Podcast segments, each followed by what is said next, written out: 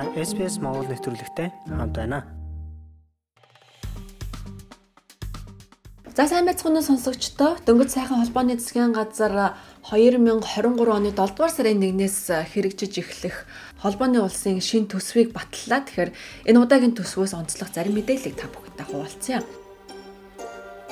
SPS Монгол нэвтрүүлэг таны гар утас болон цахим хуудасд нийлдэхтэй байна. За хамгийн түрүүнд энэ удаагийн засгийн газар эрүүл мэндийн салбарыг гол анхаарлын төвдөө байлгалаа гэж ярьсан. За 5 жилийн хугацаанд 3.5 тэрбум ам долларын санхүүжилтийн хүрээнд 16-аас доош насны хүүхдүүд болон концессийн карт эзэмшигчдэд зориулан ЖП-гийн эмчийн үзлэгт баалк биелэн үзүүлэх боломжийг 3 дахин нэмэгдүүлж байгаа юм байна. За эмчтэйгээ биечлэн уулзах болон утсаар зөвлөгөө мэдээлэл авах гэх мэт үйлчилгээнд бүгд хамрагдах бөгөөд 11 сая гаруй хүнд ямар нэгэн зардалгүйгээр эмчтэйгээ уулзах боломжийг олгож байгаа юм байна. Сангийн сайд ингэж тайлбарллаа. Энэ бүхэн нь манай улсын эмнэлэг яралтай тусламжийн тасгийн ачааллыг арилгахад туслаж 100 жилд нэг удаа тохиолддог тахлын аюулыг мэдэрсээр байгаа энэ үед олон сая хүний эрүүл мэндийн тусламж үйлчилгээний чанар баталгаатай болох боломж юм. Үүнийг та төлбөрийн картаараа биш Medicare картаараа хийх болно. Анх удаа орон сууц худалдан авагчдад зориулсан тогтолцоонд байнгын оршин суугчид болон сүүлийн 10 жилийн хугацаанд орон сууц аваагүй хүмүүсийг илүү ихээр хамруулах болно гэлээ. Засгийн газраас орон сууцны нийлүүлэлтийг нэмэгдүүлэх шинэ хөсрүүрэг санал болгож байна. 50 ба түүнээс дээш орон сууц байшингаас бүрдсэн барилгыг барих, түрээслүүлэх төслийн татварын буцаа олголтыг нэмэгдүүлэх гэж байгаа юм байна. Энэ арга хэмжээ нь 10 жилийн хугацаанд 150 мянган түрээсийн шинэ байрыг нэмэх алсын хараатай юм байна. Засгийн газар мөн мууч нутаг дэвсгэр бүрт орон гэргүй хүмүүст хүргэх санхүүжилтэнд 67.5 сая долларыг нэмж хуваарлжээ. Бид илүү олон австралчуудыг орон гэртээ байлгахын тулд төлөвлөлтийг сайжруулах, олон байшин барих, түрээслэгчд илүү сайн гэрээ байгуулахын тулд муж нутаг дэвсгэртэй хамтран ажиллаж байна. Үүнтэй адил шалтгаанаар 10 тэрбум долларын өртөгтэй Австралийн орон сууцны орон сууцны санг байгуулах нь манай ард түмэнд хэрэгтэй нийгмийн болон хямд үнэтэй байшингуудыг илүү ихээр барихад чухал ач холбогдолтой байх болно.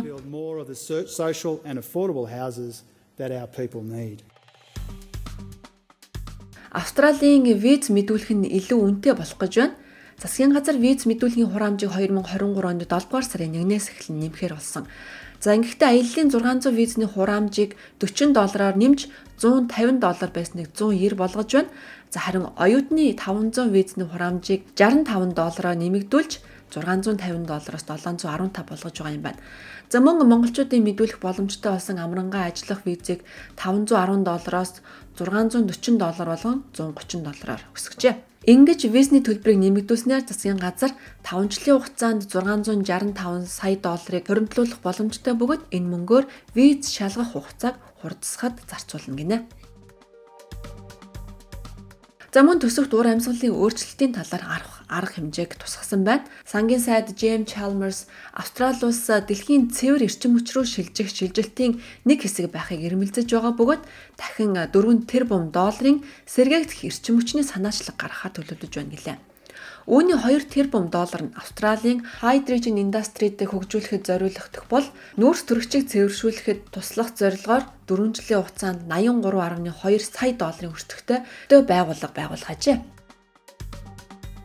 Боловсролын салбарт 5 жилийн хугацаатай National Skills Agreement-д зориулж 3.7 тэрбум доллар нэмж 300 мянган төлбөргүй TFA-гийн орон тоог нэмэгдүүлэхээр 2023-аас 24 оны төсөв тусгажээ. Нэмэлт 54 сая ам доллар нь сургалтын чанарыг сайжруулах, эмэгтэйчүүд уугуул үндэстэн болон хэл соёлын ялгаатай иргэд хөгжлийн бэрхшээлтэй хүмүүс суралцахад нь илүү зорилтод дэмжлэг үзүүлэх юм байна.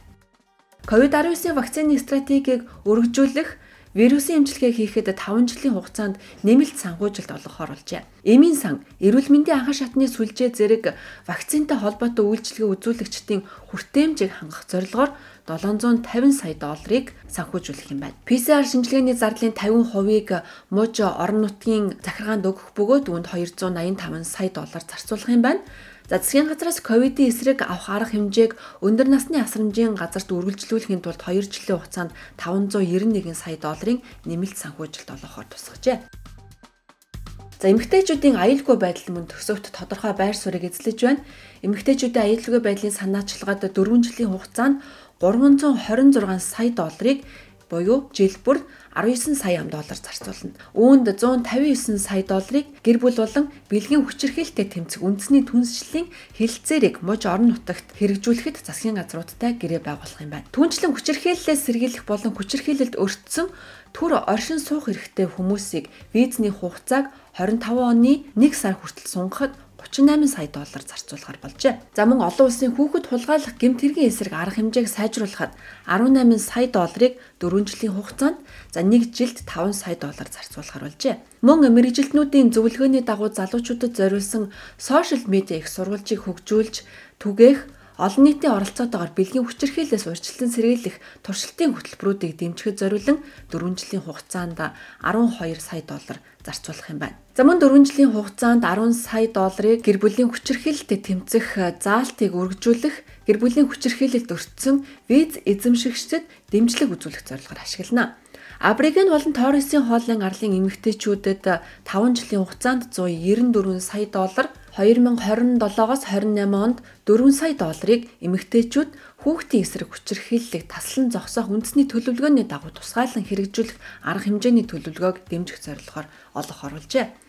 Засгийн газраас гэр бүлийн хүчирхийллээс урьдчилан сэргийлэх хуулийн үйлчилгээ үзүүлэгчдийг 2 жилийн хугацаанд 68 сая доллар зарцуулах юм байна. За жижиг дунд бизнес эрхлэгчид 2023-аас 24 оны татварын хөнгөлөлт эдлэн тэд орлогын жилийн хугацаанд GDP болон GST төлбөрийн хэмжээг 12-оос 6% болгон бууруулахаар зарласан байна.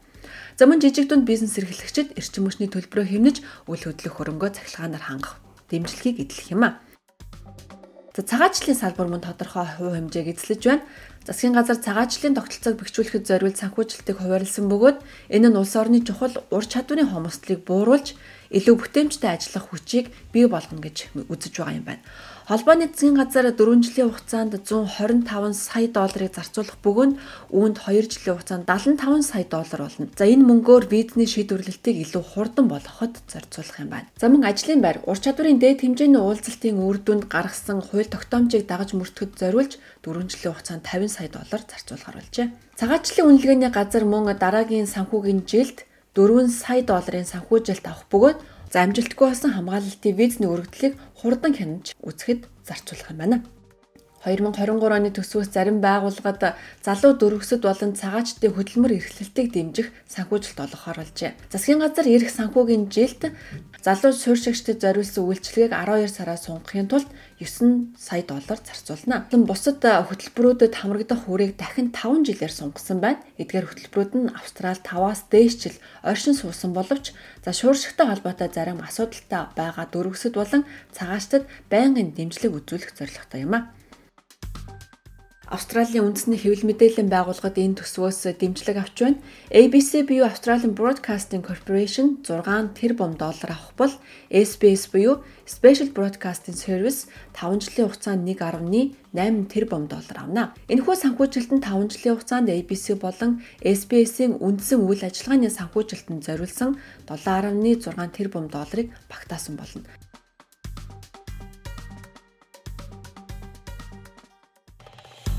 SPS Монгол хэлээр бидний нэвтрүүлгийг Facebook сошиал хуудасаар бусдаа хуваалцаарай.